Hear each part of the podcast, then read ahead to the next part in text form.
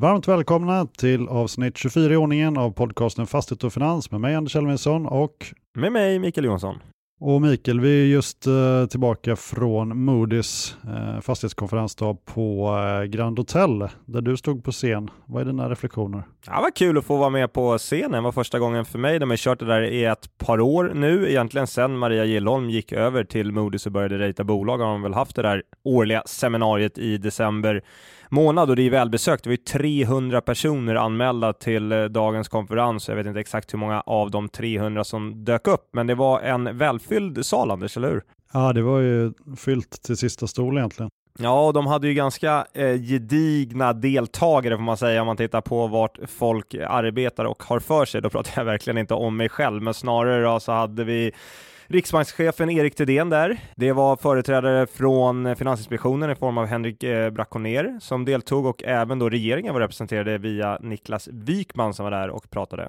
Och Erik Thedéen måste jag säga, jag har inte hört han live tidigare. Han var ju betydligt mycket mer eh, karismatisk och lättsam än vad man sett i olika nyhetsinslag. Jag tyckte egentligen kan man väl säga att mycket av det som sades och mycket av de reflektioner som gavs idag liknar det som man pratade om på seminariet för exakt ett år sedan. Ja, det är mycket som ska refinansieras. Hur ska det lösas? Vad behöver hända? Ja, det var ungefär samma frågeställningar som vi hade för ett år sedan och då ska vi väl faktiskt passa på att konstatera 2023 har ju gått lite bättre tror jag än vad många förväntade sig när vi gick in i året.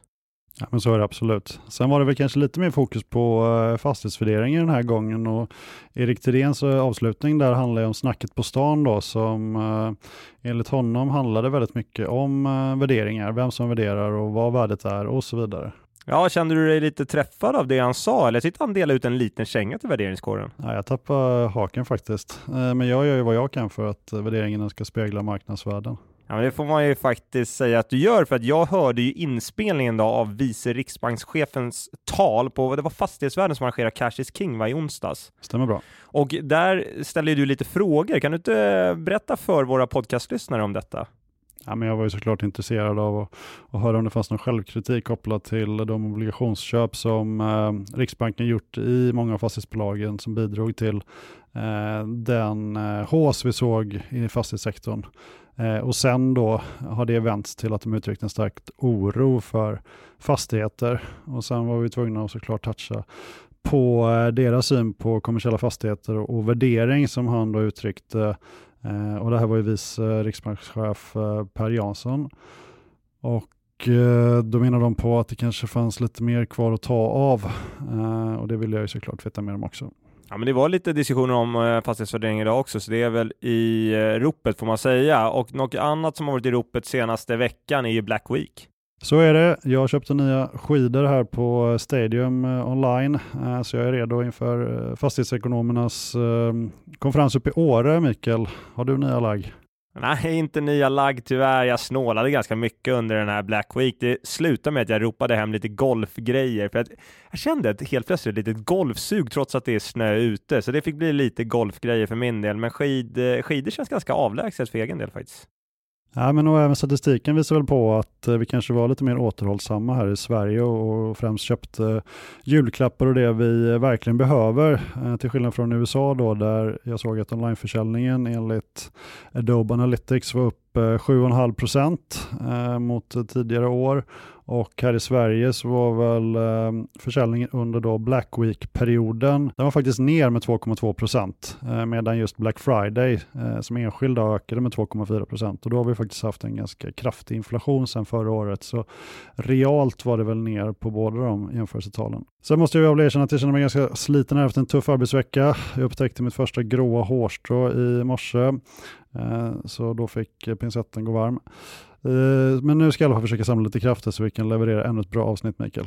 Ja, men det låter ju härligt, men det där med gråa hårstrån, jag tror att om jag skulle kolla väldigt noga så är jag nog inte så himla långt eh, bort heller. Jag valde att klippa mig igår bara för att se hyfsad ut på scen nu på det här Moody's seminariet. Ja, men skulle jag kika i spegeln riktigt noga, jag undrar om det inte finns lite grått där i. Alltså, jag börjar bli orolig för det i alla fall. Det har varit både högt och lågt på direktmarknaden de senaste två veckorna och som sedvanligt i denna podcast så kommer vi inleda med att titta lite närmare på de transaktioner som har kommunicerats. Ja men så är det och ditt kära SBB Mikael har ju genomfört ytterligare tre avyttringar och två av dessa var till eh, kommuner. I den ena av de här två då så avyttras tre fastigheter i Västervik till kommunen för 88 miljoner. Och i de andra två så är det Fagersta kommun och ett lokalt fastighetsbolag som står på köpsidan. Och totalt summerar de här tre affärerna till 330 miljoner. Och SBB skriver här då att transaktionerna innebär ett likviditetstillskott om 230 miljoner. Ska man då tolka det här som att 100 miljoner av köpeskillingen eh, går till att återbetala säkerställd skuld i fastigheterna, Mikael, och att de eh, resterande 230 miljonerna kan nyttjas för till exempel obligationsförfall?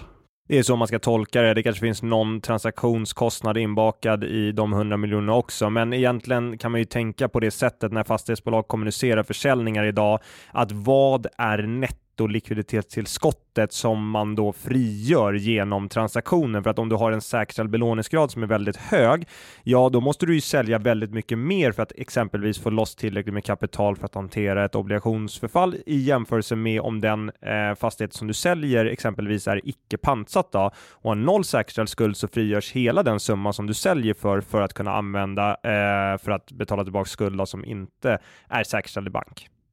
Vet du, har man generellt sett eh, säkerställd bankskuld i ett antal fastigheter där man kanske då ligger runt 50 procent eller har man den säkerställda skulden utspridd med lägre belåningsgrader på fler fastigheter? En jättebra fråga. Det här var eh, extremt mycket diskussion och dialoger kring 2018, 19, 20 därför att 20 16 egentligen så hade vi det här skuggratingsystemet i eh, Norden, i obligationsmarknaden, där egentligen analytiker på de olika bankerna satte skuggratingar. Men detta förbjöds egentligen via att eh, ratinginstituten lobbade för att det skulle tas bort. Eh, och därmed så började alla de här eh, svenska bolagen bli officiellt ratade och framförallt då, det är en väldigt stor skillnad mellan Moody's och S&P men Moody's trycker väldigt mycket på icke pantsatta tillgångar där man helst då eh, ville ha en minimigräns på 30% av tillgångarna skulle alltså ha noll säkerställd skuld kopplad till sig för att bolag skulle kunna nå en IG-status och historiskt i Sverige är det ju som du var inne på i din fråga Anders, då var det så att man, eh, man spred ut från bankerna att du hade låg belåning per fastighet, för det är såklart en, en bättre säkerhet för bankerna att, eh, att ha en bättre position för dem. Och det hade ju inte fastighetsbolagen så där jättemycket emot egentligen, för de visade ju då mo, ut mot investerare i obligationsmarknaden på total nivå. Men nu när man sen då blev ratade av Moody's så var det helt plötsligt väldigt viktigt för fastighetsbolagen att samla lånen på enskilda fastigheter för att då frigöra panterna och frigöra enskilda fastigheter för att kunna räkna med dem i den här summan. Så att under den perioden så gjorde bolagen vad de kunde gentemot bankerna för att försöka samla lånen, vilket naturligtvis bankerna inte såg som någonting positivt, men i vissa fall då var medgörliga att, att man helt enkelt gick med på att bolagen fick göra på det sättet. Efter cirka ett och ett halvt år utan en kontorsaffär i Malmö så fick vi nu två stycken. Eh, och den ena av de här är ju en ren intern affär där Skanska säljer Hyllie Terrass till sitt egna bolag, eh, förvaltningsbolag då, som de nu byggt upp för 53 000 kronor per kvadratmeter och där är väl understött av eh, fastighetsvärderingar så den bör väl ungefär ligga i linje med marknadsmässig nivå. Men det är svårt att säga då när det skett så få affärer. I den andra så säljer Peab fastigheten The Corner, också den är Hylje till Annehem för cirka 56 000 per kvadratmeter. Och enligt artikeln i Fastighetsvärlden så bedöms då fastigheten generera en initial avkastning om ungefär 5,6 procent på 2024 års driftnetto. Men om jag förstår saken rätt så kontrollerar Paulsonsfären både Peab och Annehem. Eh, kan man då räkna även den här affären som en slags internaffär eller är de så pass frånskilda att eh, den här affären skulle kunna uppfylla definitionen för marknadsvärde, Mikael? Vad är din take? Jag hoppades att du inte skulle avsluta ditt resonemang med att fråga mig, för jag har rätt dålig koll just på, um, på definitionen av det här och på förhållandet mellan Peab och Annehem, så jag vågar inte riktigt ge dig ett bra svar på den frågan. Då får jag helt enkelt göra min analys lite grundligare där innan vi eh, använder den på något sätt i en framtida värdering. Sen i Göteborg så skrevs eh, det senaste köpavtalet på ett kontor våren 2022. Eh, så det var ungefär eh, samtidigt då den senaste affären skedde i Malmö innan de här två då kommunicerades. Så här är det också minst sagt svårt att värdera vad en kontorsfastighet är värd. Så det gäller ju att ha ett väldigt bra kontaktnät så man kan fånga upp pågående försäljningar, avbrutna försäljningar och bilda sin egen uppfattning kring vad betalningsviljan faktiskt är någonstans.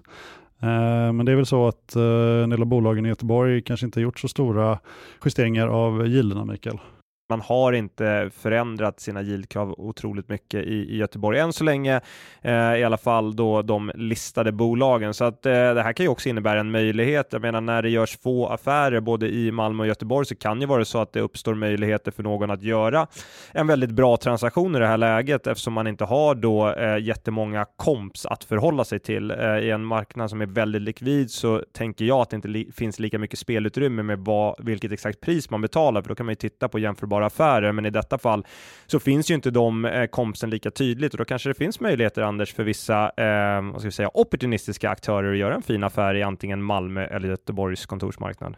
Nej men så är det och i en het marknad med mycket aktivitet så är det ju trängre i dörren också. Och, och står du ensam i dörröppningen eh, eller bara har någon bakom dig så, så har du kanske ett lite bättre förhandlingsläge också.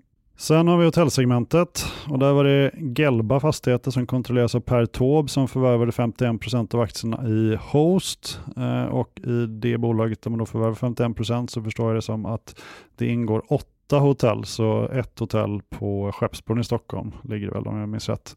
Det lämnas utanför. Och av de här åtta hotellen så finns eh, fyra stycken i norra Sverige och fyra i södra Sverige och i flertalet av fallen så handlar det om stadshotell. Och totalt så är det 967 rum och fastigheten har en uthyrbar yta om 75 000 kvadratmeter och eh, de, de har även gått ut och sagt att det finns ett ganska stort underhållsbehov här. Och Leif West, vd vid Gelba Fastigheter, sa i en kommentar till Fastighetsvärlden att vi går in i affären på strax under 10% på befintliga flöden och den här affären var väl ändå i grevens tid för Host, Mikael?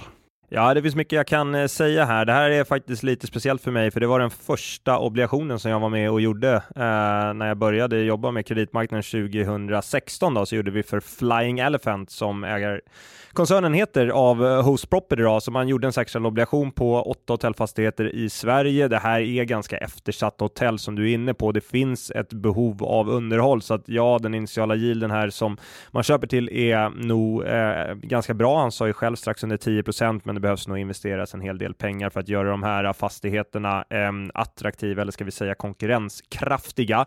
Däremot är det så att fastigheterna generellt ligger i ganska bra lägen i de här städerna, så vi har väl alltid varit ganska positiva till eh, obligationen därför att det finns en fin då värdebackning för obligationsägarna ifall vi skulle komma till den situationen som vi hamnade i, nämligen att det här behövde likvideras och som en sista poäng då, som du säger, i grevens tid. Vi satt den i, i början av veckan då, innan den här transaktionen kommunicerades och bara tittade på Eh, räknade baklänges egentligen att Host Property måste kommunicera någonting inom två, tre dagar, för i alla fall hade man kommit tillräckligt nära årsskiftet eh, och vid årsskiftet då så hade det varit en step-up på inlösenpriset i obligationen som var brutal för bolaget, så de behövde få till en affär eh, med då 20 eh, arbetsdagar innan årsskiftet, så det var därför det nog brann lite i knutarna och i slutändan så fick man till den här affären. Så eh, vi säger grattis till Host properties obligationsägare och förhoppningsvis till Gelba Fastigheter möjligheter för en bra affär. I förra avsnittet så nämnde vi en stor affär i logistiksegmentet, eh, Cadillac Fairview, eh, och det är väl Ontarius Teachers Pension Fund eller något sånt som ligger bakom där, som eh, förvärvade logistikfastigheter från Blackstones Mileway. Nu hade vi ytterligare en stor affär i segmentet när Savills Investment Management avyttrade en portfölj bestående av tre logistikfastigheter i Borås, Ljungby och Halmstad på totalt 94 000 kvadratmeter. Och Eh, det här är väl någonting som är värt att nämna. Dessvärre har jag inte så mycket eh, saftiga detaljer kring affären, så, så eh, mer än att det är då välkända logistikaktörer eh, med till viss del publikt finansierade hyresgäster eh, som finns i de här husen som ligger i etablerade logistikområden. Mer än så kan jag inte säga. Eh, men vi har en annan affär i logistiksegmentet som Dagens Industri fångade upp och det var i den där Rutger Arnhults M2 säljer en fastighet i Kalmar med ett underliggande fastighetsvärde om 340 miljoner till Logistea. Och här slog man då upp att eh, affären delvis betalas med en kvittningsemission som innebär att M2 säljer med en dold rabatt på 25 miljoner menar då Dagens Industri och det var på grund av att täckningskursen i kvittningsemissionen som delfinansierar affären är satt till 13 kronor 50 öre och det kan ställas mot den rådande aktiekursen kring 10 kronor för Logisteas båda aktieslag.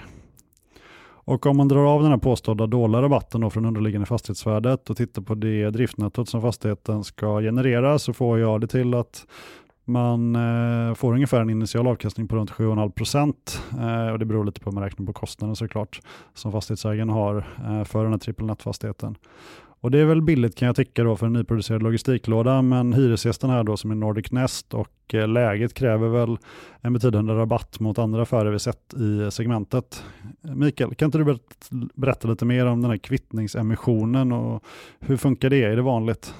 Jag tror att kvittningsemissioner kommer bli väldigt mycket vanligare därför att många av bolagen i svensk fastighetssektor är lite för högt skuldsatta och har lite för kort räntebindning givet den situation vi befinner oss i nu där räntan har stigit väldigt kraftigt på kort tid som ni alla är medvetna om. Så det gör ju att många av de här bolagen helt enkelt är i ett behov av att sänka sina skulder och då kan ju en sån här lösning vara ganska effektiv exempelvis eller framförallt kanske om du ska förvärva någonting så handlar inte det visserligen om att sänka skulder men det kan ju vara så att istället för att betala betala fullt pris så betalar man helt enkelt delvis genom att emittera aktier till den som säljer så att säljaren då får eh, delvis betalt i aktier helt enkelt och då kan man ju välja att göra på lite olika sätt. I det här fallet så verkar det som, precis som du är inne på Anders, att man bakar in en liten rabatt mot det priset som kommunicerades eh, genom att emittera de här aktierna på högre nivå. Så att för att svara på din fråga, ja Anders, jag tror att kvittningsemissioner kommer komma eh, lite framöver och jag ska också passa på att eh, nämna det att det var ju en inte en kvittningsemission kanske, men vi såg ju Citycon i Finland. De väljer alltså att göra en riktad emission till en av ägarna i deras hybridobligationer. Så att man gör då en eh, emission av aktier till ett värde på om jag minns rätt, 14,7 miljoner euro som man emitterar aktierna. Ja, det var ungefär i linje med, med rådande aktiekurs i, i marknaden. Och sen så plockar man bort 17,5 miljoner i nominellt värde av den här hybridobligationen, så man gör den på 84 procent av nominellt värde, eh, vilket gör att du då tar ner hybridobligationsskulden med 17,5 miljoner euro, samtidigt som du då betalar den här personen som då, eh, eller institutionen som istället får ägande i bolaget. Då. Så jag tror att vissa sådana lösningar för att egentligen på totalen ta ner skuldsättningen och öka andelen eget kapital, ja, det tror jag att vi kommer se framöver. Eller det måste vi se framöver. Fastighet och finans spelas in i samarbete med Fastighetsvärlden. I snart 40 år har Fastighetsvärlden genom konferenser, magasin, nyhetsbrev och hemsida levererat marknadsledande nyhetsbevakning av Sveriges bygg och fastighetsbransch. Och i det här avsnittet så måste vi passa på att lyfta att det i år är alltså 18 året som fastighetsvärlden låtit fastighet och byggbranschen rösta fram vem som anses mäktigast i branschen. Och jag måste säga att Fredrik Engström och gänget som skriver de här texterna om varje person på listan, de lyckas verkligen gräva fram både lik i garderober och oväntade hobbys. Och idag klockan 11 minuter över 11, då vi spelar in fredagen den 1 december, så fick vi till slut reda på årets vinnare och det blev Roger Akelius. Och det kan man ju tycka är välförtjänt med tanke på vad han lyckats uträtta i branschen de senaste åren. Nu har han dessutom plockat ut 15 miljarder i cash avsatta för värdepappersinvesteringar. Årets nykomling behöver inte heller skämmas för sig. Eh, det är Joakim Sjöberg vi finner på plats nummer 15, alltså vdn i Castellum, ett bolag som Akelius har en stor aktiepost i. Vi kan varmt rekommendera er att ta del av fastighetssektorns senaste nyheter via fastighetsvärldens olika kanaler. Vi är även i detta avsnitt sponsrade av Affärsvärlden som är Sveriges ledande ekonomimagasin. I år har Affärsvärlden utsetts till Sveriges bästa magasin och har flera prisbelönta ekonomijournalister och analytiker som bevakar och analyserar fastighetsbolag men också ett stort antal andra branscher. Med Affärsvärlden Premium får du tillgång till alla artiklar, över 500 aktieanalyser per år och insyn i Affärsvärldens egna portföljer. Om du tvivlar på att Affärsvärlden även skriver om fastighetsbranschen så kan jag nämna tre artiklar som gick att läsa igår på hemsidan. Den första var att ECB riskerar att förlora hundratals miljoner i SBB. Sen var det fastighetsbolaget Kvaliteternas kamp mot klockan, måste sälja tillgångar snabbt. Och den sista var riktad emission i SLP till 9% rabatt. Ja, det är väl som man säger, flest datapunkter vinner. I alla fall vi analytiker brukar, brukar slänga oss med det uttrycket. Och vi är glada över möjlighet att erbjuda alla lyssnare rabattkoden FASTIGHETFINANS utan något blanksteg mellan orden, vilket ger er 50% rabatt i tre månader. Affärsvärlden erbjuder också förmånliga gruppavtal för företag. En länk till erbjudandet hittar ni sedvanligt även i avsnittsbeskrivningen. Avslutningsvis så kan vi verkligen rekommendera er att testa Affärsvärlden genom detta förmånliga erbjudande. Vi måste ju självklart börja denna delen av avsnittet med att lyfta upp DNBs övertagande av pantsatta fastigheter i Oscar Properties. Hur ser du på det här Mikael? Ja, tyvärr är vi väl vid den tidpunkten nu i, jag vill inte säga tidpunkten i cykeln, men tidpunkten i den här lilla fastighetskrisen, om vi nu ska kalla det för kris, där det, eh, sådana här saker börjar ske helt enkelt, att banken börjar dra tillbaks panter. Och jag, jag, jag pratade lite om det här i DI-TV i veckan faktiskt, just om Oscar Proppis och den situationen, och jag tycker att det här tyvärr har blivit ett ganska bra exempel för den risken som icke säkerställda obligationsägare faktiskt tar, och då i det här fallet i ett fastighetsbolag. För att Oscar Properties rapporterade 5,4 miljarder i fastighetsvärde här i Q3 eh, och när nu eh, DNB väljer att dra på panten och dra tillbaks 3 miljarder som de hade som säkerhet för de 1,6 miljarderna i lån som man hade gett bolaget, ja men då kommer Oscar Properties stå kvar efter det med motsvarande 2,4 miljarder på balansräkningen, eller om det faktiskt det är till och med så att det var 5,2, att man nu har 2,2 miljarder, medan då lånen som finns kvar i bolaget är Eh, betydligt högre. Det är på 2,9 miljarder efter då att DNB drar tillbaka det här. Så min tro, tyvärr, då, det är att icke säkerställda obligationsägare här, de eh, kommer gå tom, tomhänta från bordet. Resten av den här fastighetsportföljen på 2,2-2,3 miljarder i värde, den har använts då dels för att säkerställa andra banklån, men även för säkerställda obligationer som man har gett ut två stycken. Då. Dels den här Valerum-obligationen med SBB och sen har man en obligation som heter HL18. Så de här icke säkerställda obligationsägarna, det är inte något som bankerna prioriterar i sådana här lägen, utan bankerna ser efter sitt eget hus och det DNBs första prioritet är att få tillbaka sina 1,6 miljarder. Om man sen får tillbaka mer än det och det kan gå till seniora icke säkrade obligationsägare, det är inte det som DNB främst eh, är oroliga för. Okej, så om eh, DNB säljer det här då och de ska göra det via mäklare som jag förstår det och de kanske säljer det för eh, en bit över 2 miljarder så det ändå blir ett visst överskott där. Eh, är det då pengar som går tillbaka in i Oscar Properties eller går det direkt till andra som har ställt ut skuld, alltså obligationsinnehavarna? Nej, men det som händer är att de andra eh, långivarna, de kan ju välja att accelerera skulden i det här läget eftersom bolaget då per automatik blir i default på ett lån och man kräver tillbaks det lånet, då kan de andra långivarna välja att accelerera skulden. Om det är så att man säljer för mer än det som DNB ska ha tillbaka, ja då går det eh, tillbaka in i bolaget och ska användas för att täcka bolagets övriga skulder. Okej, okay, men det är ganska rimligt att tro att den kommer att accelerera där antar jag. Eh, absolut, absolut. Men det har ju försökt eh, få till en lösning som vi har pratat om här tidigare med de icke säkerställda obligationsägarna som eh, man skulle rösta om då, där delar av den obligationen konverteras till eget kapital. Sen har vi en annan, eh, ja kioskvältare har vi använt ganska många gånger i den här podden under detta året, men eh, det var väl ändå när det kom upp i Aftonbladet att Joakim Kuylenstierna Eh, ska ha haft vissa förehavanden med en person som har varit anklagad eh, för att bland annat ha varit inblandad i narkotikaförsäljning. Ehm, och Eh, Mikael, min fråga till dig blir då, hur påverkar de här senaste skriverierna bolagets möjligheter att förlänga åtaganden hos till exempel bankerna? Vi hade ju SBB som fick indragna kreditfaciliteter när de gick från investment grade till high yield och DNB plockar ju nu in panten hos Oscar. Eh, den här typen av anklagelser känns ju väldigt mycket värre, eh, så bankerna måste väl verkligen dra öronen åt sig.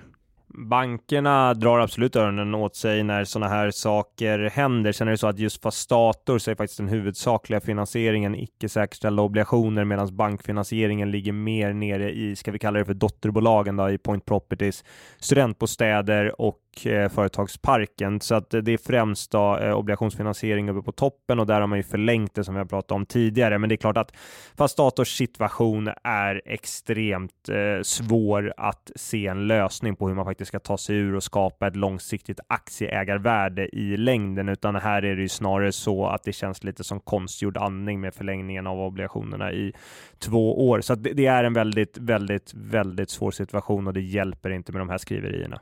Är du förvånad att den namnkunniga styrelsen ännu inte petat eh, Killenstierna från vd-posten?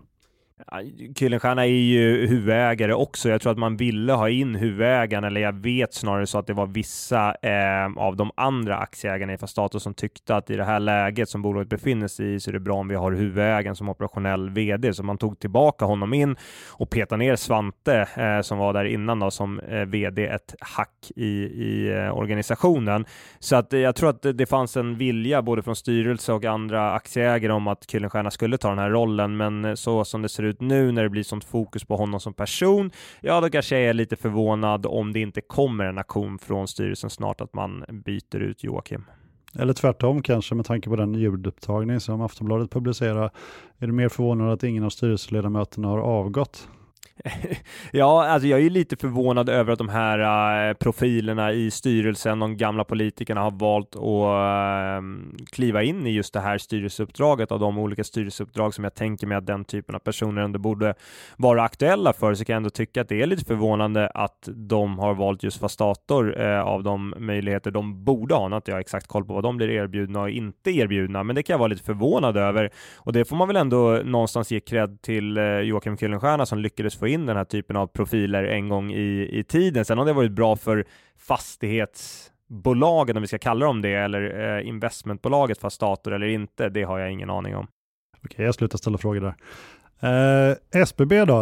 Eh, vi talar ju om det här tender offer rätt. Nej, så säger man inte. Vad säger man på svenska, Mikael? Holländska eh, åter, åter, återköpserbjudande. Ja, kan du inte berätta lite om utfallet i det? Ja, men så här. Kredithatt på, till att börja med eh, så applåderar jag eh, vad man gjorde. De eh, gav ju ett erbjudande i massa olika icke-säkerställda obligationer och hybridobligationer och folk var ju lite oroliga här att man skulle opportunistiskt köpa tillbaks i hybridobligationer och i icke-säkerställda obligationer med ett förfallodatum som ligger längre fram i tiden, vilket då allt annat lika såklart eh, försämra likviditetspositionen och försämra bolagets möjlighet att refinansiera skuld de närmaste 12 månaderna. Så med kredithatt på så tror jag att de flesta var ganska glada över att SBB bara köpte tillbaka det kortaste lånet. Men med det sagt, så om jag sätter på mig aktiehatten är jag lite besviken över det här. Jag såg ju framför mig att bolaget skulle ha så pass god likviditet eller känna så pass stor trygghet i sin likviditet att man nyttjade situationen till att köpa tillbaka skuld på ett väldigt mycket till ett väldigt lågt cashpris, då, alltså att man köper eh, skuld billigare än vad det nominella värdet på skulden är och på så sätt på papper skapar eget kapital och skapar aktieägarvärde. Det var det jag hoppades skulle ske eh, i just det här fallet, så det är jag lite besviken över. Sen så kan man ju tycka mm, varför göra så stor grej av att gå ut och göra ett, ett återköpserbjudande och sen bara plocka i, i kortändan. Jag tror att det fanns lite spel bakom eh, galleriet, eller spel för galleriet, är man, man säger, eh, genom att göra på det här sättet, kanske att göra de här, eh, mm, inte blankarna, utan de som har valt att accelerera obligationsskulden lite oroliga. Eh, det känns lite som att det var inblandat. Men varför återköpte man inga hybrider då? Var det så att eh, obligationsinnehavarna eller hybridobligationsinnehavarna eh, inte var villiga att släppa köpa dem på de låga nivåerna som man hade tänkt återköpa dem för? Eller var, varför funkar det inte så som de hade tänkt sig? Nej, men det var inte så att det inte funkar som de hade tänkt sig, tror jag. Jag tror att de fick in hybridobligationer på bra nivå, men eh, det kan jag väl ändå eh, tycka att SBB gör rätt för sig här, för att att köpa tillbaka hybridobligationer, även om jag med aktiehatten på hade hoppats på det, så är ju det att inte respektera prioritetsordningen. Och jag tror också att man var väldigt orolig från styrelsens håll att göra det, därför att det hade riskerat att förarga vissa av obligationsägarna om man i det här läget väljer att använda kapital för att köpa tillbaka hybridobligationer. Men jag gjorde en slide på det här. Eh, det är ju tyvärr en stor del av mitt liv då, att göra slides på olika saker. Eh, så jag kikar lite på rapporterat EV, om vi ska kalla det för det, alltså Enterprise Value i bolaget, om vi tar på bokförda värden, så vad är eget kapital bokfört till, vad är skulderna bokförda till och hela eh, kapitalstrukturen egentligen? Eh, inkluderat då hybridobligationerna, så satte jag det mot marknadsvärderingen av det. Så säkerställd bankskuld höll jag på 100%, men sen så prissatte jag obligationerna så som marknaden prissätter dem. Jag prissatte hybridobligationerna och jag prissatte naturligtvis eget kapital i linje med nuvarande eh, kurs i marknaden. Och däremellan, Anders, så hittar vi 47 miljarder i skillnad. Så det var lite det jag tänkte att SBB skulle nyttja, alltså den differensen i marknadens värdering av bolagets tillgångar VSD man har i böckerna. Men men man valde alltså att vara väldigt ansvarsfulla från ett kreditperspektiv, så att eh, man får väl ge både ris och ros här beroende på vilken, vilken hatt man tar på sig. Intressant. Ja, jag tänkte nämna det här med Nordicus, eh, men det är väl ingen nyhet som egentligen berör oss. Sen hade SBBs Credit Watch Negative blivit borttagen, vilket jag inte är positivt, medan Fitch då sänkte SBBs eh, kreditbetyg igen och du går ut med en eh, förnyad köprek, Mikael. Den fick i alla fall i min mailkorg. Kan du inte berätta lite mer om vad du ser nu framåt? Ja, men det kan jag absolut eh, göra. Jag tror så här att SBBs aktie gick lite svagt på rapportdagen på grund av att marknaden var besvikna över likviditets positionen, likviditetsbryggan som presenterades, så var även vi. Vi ser ett fundinggap ungefär 4,5 miljard 2025. Ehm, och lyckas man lösa det fundinggapet så tar man sig egentligen till september 2026 rent likviditetsmässigt. Det kommer kosta. Ehm, det gör det för de här bolagen när man måste hitta ehm, tillgångar att realisera för att kunna refinansiera sig. Ofta betyder det, jag har inte hittat något bra ord på svenska för det här, men det betyder ofta value erosion för aktieägarna, alltså att värde eh, som finns idag på papper, att man måste ge bort en del av det för att kunna lösa eh, situationen. Men i övrigt så jag, jag tycker vår riktkurs tar, tar höjd för det eh, och jag tycker i övrigt inte att det underliggande caset här har ändrats speciellt mycket. Kan man få loss de pengarna eh, och refinansiera skulden kortsiktigt så kommer man fortfarande ligga med 2,4 miljarder euro i obligationer med förfall 27, 28, 29 med en snittränta på 1,4 procent. Man fortsätter göra affärer med kommunerna i ungefär i linje med bokförda värden. Det tror jag att man kommer kunna fortsätta med. Man har skrivit ner sina tillgångar rejält med 31 procent i värde. Så jag tror att eh, långsiktiga caset här för oss, det ligger kvar. Jag tror att eh, underliggande aktievärde för aktieägarna, det ligger någonstans runt 8 till 10 kronor då om vi tittar på substansvärde och en vacker dag så ska SBB återigen handla till det. Dock med en väldigt stor disclaimer här som vi är väldigt tydliga med i allt vi publicerar och det jag säger här nu eh, är ju baserat på vad vi har publicerat. Det är att SBB naturligtvis är ett extremt högrisk hög case. Det är ett extremt digitalt case där själva marknadsvärdet på aktierna idag är en otroligt liten del av det så kallade enterprise value. Alltså om vi sätter en riktkurs på 5 kronor eller på 8 kronor så utgör det någon enstaka procentenhet på totalen och det är framförallt då skuldsituationen som vi pratar om som är pressande och som man måste hitta en lösning på. Så att konsensusvyn här eh, bland både kredit och aktieanalytiker är mer eller mindre eh, att rekonstruktion är det som är mest troligt. Samtidigt ska jag ju tycka att på 3,80 70 så har du 1,44 av dem inboxade i en utdelning som SBB kommer ha pengar att betala nästa år. Så att du får en ganska stor del av din köpesumma i SBB åter i början av nästa år och sen så är frågan om du kan kräma ut mer än så på lång sikt. Castellum har remitterat gröna obligationer för 1,25 miljarder och eh, som jag förstår det är det bara både en eh, fix obligation, alltså med tanke på kupongen då, och en fast. Eh, vad är din kommentar på de här nivåerna Mikael? Nej men eh, nivåerna, eh, de är ju fortfarande högre än, än 2021, betydligt högre, men det här är ju väldigt positivt. Eh, applåd till Castellum som väljer att eh, göra det tycker jag. Man gjorde som du säger två trancher då. Eh, nivån var väl på den rörliga delen Stibor plus 300, 200 eh, punkter, förlåt, det var en treårig obligation, Stibor plus 200. Eh, det kan man jämföra med när de gjorde den här första emissionen i, i höstas, gjorde man en tvååring på plus 215 punkter. Så här gör du alltså ett år längre och har en kreditspread som är 15 punkter lägre. Petade också ut en 350 miljoners obligation i veckan som man då gjorde på eh, det var en tvååring på Stibor plus 168 punkter tror jag. Ehm, så att eh, det är kul att se att obligationsmarknaden är igång och att det går att hämta kapital. Men det här, eh, jag har ju tjatat om det här tidigare i podcasten och jag sa det faktiskt på scenen idag Anders, så du har hört det här en gång tidigare idag när jag då var med i Moody's paneldebatten där. Men hur som helst, Castellum, 10 miljarder i emission i våras, man ställde utdelningen, man har fått 24 miljarder på plats i svenskt banksystem, ändå så är man nettosäljare, ändå så är man ute i obligationsmarknaden. Varför? Jo, därför att de här 24 miljarderna som man har i banksystemet är inte något som man bara kan gå och dra på hur som helst. Jag tror att bankerna är väldigt tydliga mot fastighetsbolagen att ni har faciliteterna, ni kan använda dem för att brygga eh, likviditet, men försök också hitta likviditet på andra håll, för vi kan inte öka vår fastighetsexponering nämnvärt därför att våra aktier är blankade. Och jag tycker att det här är ett jättebra exempel på det. Men du, 168 punkter för Fabege där, är inte det en väldigt stor skillnad från eh, det vi sett tidigare i höstas? Jo, det var eh, eh, tajtare, väldigt mycket tajtare nivå än vad vi har sett tidigare i år. Sen var det en 350 miljoners obligation, det är inte någon jättevolym. Då. Det kan ha varit en så kallad private placement till någon eh, institution eller försäkringsbolag som tyckte att just den eh, exponeringen passade bra in och Fabg är ju precis som Castellum långt fram i sitt ESG-arbete, så det tickar ju många av de gröna boxarna. Men eh, som du säger, bra nivå. Eh, fortfarande såklart betydligt högre än vad det var för två år sedan, men nu är vi i en annan verklighet. Eh, Eh, kapital är inte lika lättillgängligt och inte lika billigt. Så jag eh, applåderar eh, bolagets initiativ. Jag tror att det är jättebra att man lyfter på pressen i banksystemet genom de här emissionerna. Sen har vi haft två nyemissioner och det var ju SLP och sen Emils hus. Har du några kommentarer på dem Mikael? Ja, men det får jag väl ha Anders. Eh, vi börjar väl med SLP då, 550 miljoner riktad emission. Man, gör, man gjorde det ska jag säga på 8,3% rabatt mot stängningskursen, men hör och häpna 13,6% premie mot rapporterat substansvärde. Så att det är klart att för SLP i det här läget, vi har ju slarvigt tidigare sagt att vad vi 70 listade fastighetsbolag i Sverige, det är väl tre som är på köpsidan, Sagax, Catena SLP. Så det här känns ju faktiskt som en ganska aggressiv eh, nyemission om vi får kalla det så. Det här känns inte som en nyemission man gör bara för att försvara sitt hus, utan det känns som en nyemission man gör för att kunna växa vidare. Eh, och det tror jag att eh, SLP kommer helt enkelt att kunna göra.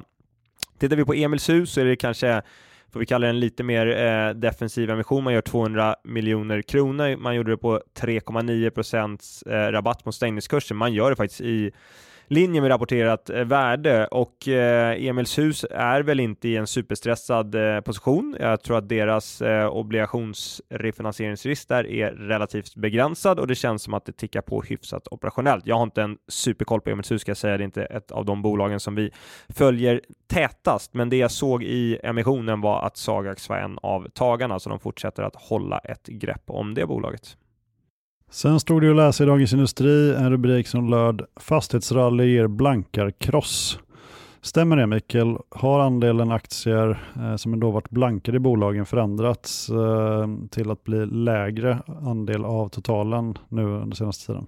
Jag har inte sett siffror på hela sektorn, men min känsla och uppfattning och de bolag jag kollat upp det i, där har andelen aktier eh, som är blankade gått ner lite grann faktiskt här på slutet och många av de investerarna som vi pratar med, eh, framförallt de kanske sitter utanför Sverige, de kan väl tycka att det här blankningscaset har spelat ut sig eh, lite grann, att eh, nedsidan i många av svenska bolag, kanske inte just idag, men i alla fall om vi går tillbaka tre, fyra veckor, att det var ganska begränsat, och att man därför har stängt vissa av de här eh, blankningspositionerna. Så att min bild är att det har eh, minskat lite grann. Sen får vi se om det här eh, extrema rallet på 25 procent vi har haft senaste månaden i sektorn, om det lockar tillbaka lite blankare som tycker att det här har gått lite väl snabbt upp. Riksbanken lämnade ju styrräntan oförändrad på 4% Inflationen viker, långräntan har kommit ner en hel del, vilket är positivt för sektorn. Dock tycks ju bankerna vara lite kinkigare och kreditmarginalerna högre än vid halvårsskiftet. Och på Moodys konferensen som vi var på så fick vi höra att det är betydligt vanligare att räntesäkra sina lån nere på kontinenten än i Sverige. Och flera bolag här i Sverige har en genomsnittsränta på över 5% Hur mycket högre tror du den kan bli innan den toppar? Vi har ju high yield-bolagen då som ligger och emitterar obligationer på runt eh, 10 totalt sett då, eh, basränta plus marginal. Och hos bankerna gissar jag att marginalerna ovanpå swapräntorna ligger på minst 250 punkter. Men jag skulle tippa att genomsnittsräntan, det vi ser framför oss i våra modeller när vi tittar på de här bolagen, det är väl att en del av dem kommer toppa ut någonstans runt 6, kanske upp mot 6,5 procent i genomsnittsränta. Jag tror inte att det blir så mycket bloder än det, framförallt om vi tittar på vad som har hänt med långräntor, där du kan låsa in räntor på en viss nivå och så slår vi på kreditspreadar på det. Så mycket mer än 6 procent tror inte jag att man ska förvänta sig idag, med en ödmjuk brasklapp då, Anders, att det finns ju alltid svarta svanar som gör att, tänk om Riksbanken Riksbanken höjer till 5 eller att de höjer upp till 5,5. Jag menar, då är det klart att det blir högre än 6% i snitt. Men så som det ser ut idag och med marknadens prissättning av räntor, ja, men då tror jag att någonstans runt 6 är ganska rimligt base case. Men alltså om du då har en genomsnittsränta på 6-6,5% och en rimlig belåningsgrad på runt 50%, eh, då ska du ha riktigt sopiga kåkar för att du inte ska ha en räntemarginal eh, en som du klarar dig på. Eh, du nämnde ju i och för sig eh, när du var med i tv att Fastators Point Properties genererar en avkastning på 3,7 procent var det så. Eh, och det är väl ett sådant exempel då, där det kanske kan bli riktigt svettigt och där det kanske redan är ganska svettigt. Men överlag, många av de bolagen som ligger i high yield-segmentet har ju gått lite längre ut på riskskalan och där har man ju köpt eh, hus som då kanske gillar tidigare någonstans på, på 5,5 och nu köper på 7,5-8 i många fall. Eh, så det borde väl ändå finnas ganska bra marginaler där tänker jag. Ja men absolut, jag tror att eh, fastigheter som tillgångslag, eller tror att fastigheter som tillgångslag, alltså en vacker dag kommer fastigheter tillbaka. Det är just nu kortsiktigt så är det ganska negativt. Folk tittar på finansieringsränta, avkastningskrav, säger att det här går inte ihop, men de som tittar på lite på lite längre sikt och lite kanske ur ett eh, fastighetsperspektiv snarare än ur kapitalmarknadsperspektivet. De har ju en annan inställning till det här och kan då tycka mer att okej, okay, jag kan ta lite lägre avkastning under en två, tre års period, för under den perioden kan jag jobba med mina intäkter, jag kan jobba med mina kostnader, jag kommer amortera på skulden och sen om två år, om fyra år, om åtta år, när det nu sker så kommer räntorna gå ner och då kommer det här se väldigt mycket bättre ut så att på en tioårsperiod blir det en bra investering. Om jag har förstått saken rätt Mikael så måste man släppa sin kvartalsrapport senast två månader efter kvartalets slut och denna vecka har vi därför haft ett antal slamkrypare som ramlat in.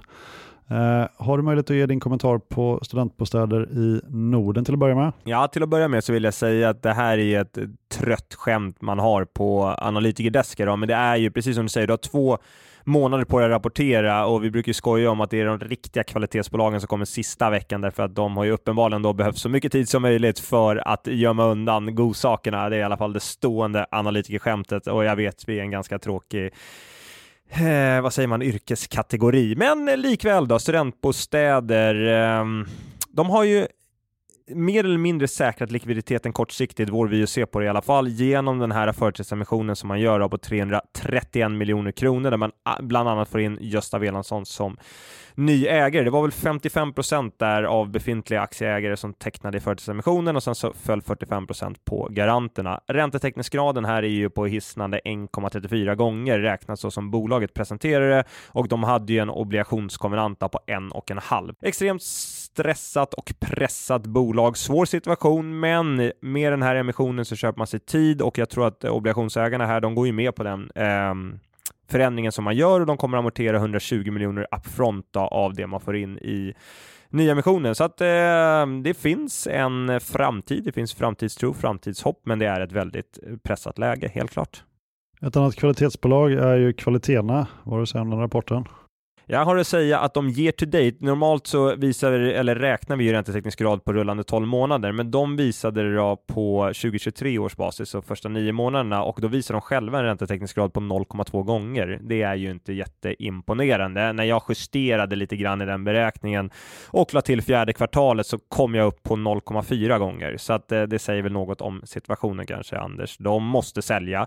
De rapporterar 5,8 miljarder i värde på balansräkningen mot av 4 eller jag ska säga 5,8 miljarder i fastighetsvärde. Sen har de andra tillgångar som gör en total balansuppslutning någonstans runt 8 miljarder totalt och de har 4,4 miljarder i skuld med en genomsnittlig ränta på 5,9 procent. Så att, eh, det är bara väldigt enkelt i kvaliteten att konstatera att bolaget är just nu i en teknisk default. Obligationsägarna ska rösta huruvida man ska kräva tillbaka sina pengar omedelbums eller om man ska ge bolaget lite tid och de måste helt enkelt avyttra eh, tillgångar väldigt snabbt i närtid för att få loss kapital och kunna betala obligationsägarna det man är skyldiga. I annat fall så kommer det här bolagets ägande att tillfalla obligationsägarna. Och sist men inte minst, i vart fall om man värderar eh, SBBs aktier utefter något form av anskaffningsvärde eller substansvärde och inte vad de handlas till på börsen så har vi IB Invest. IB Invest kom eh, igår kväll. Eh, de visade själva på en justerad soliditet då, eh, på 49 procent. Jag kanske har lite åsikter om vad den soliditeten egentligen är. Om man justerar SBB till marknadsvärde och drar ner eh, det egna kapitalet och sen så lägger vi till hybriden då, eh, som skuld, då har vi en negativ soliditet i SBB, eller i, förlåt, inte i SBB utan i IB Invest. Men eh, den ehm, hybridobligationen, om vi håller den då som eget kapital istället och landar väl den den soliditetsberäkningen någonstans runt 20-21 procent. Man hade ett negativt kassaflöde operationellt på 160 miljoner kronor, så det var mycket kassautflöde. Det här mötte man genom att sälja av tillgångar så att nettokassaförändringen i kvartalet var väl mer eller mindre eh, ganska nära nollstrecket. Man har ungefär 4 miljoner kvar i kassan så att slutsatsen där är att det behövs säljas mer saker för att kunna betala räntorna. Eh, som du är lite inne på det här med SBB, man håller ju det till eh, substansvärde egentligen och man ser ingen anledning, skriver man i rapporten, att eh, Ehm, skriva ner värdet på det mer än substansvärde. Så hade det skett, att man skrev ner det mer än substansvärde, så hade man ju brutit mot konvenanter, givet att de här konvenanterna mer baseras på bokförda värden än faktiska marknadsvärden, så kommer IB Invest, tror jag, inte att bryta några konvenanter innan det icke-säkerställda lånet förfaller i oktober nästa år. Då är det ju dock 1,35 miljarder som förfaller och hur finansieringen där ska gå till är ju svårt att säga om. Jag fick höra att uh, Ilja inte alls har uh, på något vis lämnat branschen med svansen mellan benen utan att han jobbar stenhårt uh, för att SBB fortsatt ska lyckas som bolag. Har du något att kommentera på det? Jag kanske inte vill eller bör kommentera supermycket om det, men det jag kan säga är att om jag ska kommentera rykten och det jag har hört så förvånar det mig inte, för det här är en person som många har åsikter om, men jag tror att det är få som ifrågasätter att han har arbetat väldigt, väldigt hårt, så att, att han bara skulle ha lämnat eh, den här situationen och satt sig på en sandstrand någonstans och väntat och se vad som händer. Nej, det tror jag inte ett dugg på, utan jag tror att, Hil jag tror att Ilja jobbar dygnet runt för att försöka få till en lösning på det som, som vi nu ser spelar ut. Ja, han är verkligen en riktig fighter den mannen. Jag känner mig definitivt inte som en fighter utan snarare som en nedslagen fighter. Köpte två flaskor vin och äter kvällens tacomiddag på lunchen. Eh, så jag känner mig redo att eh, checka ut Mikael, men innan vi gör det så eh, kanske du ska dra din vanliga disclaimer. Ja, det ska jag väl göra. Ingenting som vi har sagt i denna podcast ska tolkas som varken en köp eller säljrekommendation i något finansiellt instrument. Däremot så tycker jag det är fantastiskt härligt att du upprätthåller den svenska traditionen och äter tacos på fredagar. Ja, vi har eh, några grannar som har lite andra mer kontinentala vanor som ska få testa på det här och så hoppas att de ändå får en trevlig upplevelse.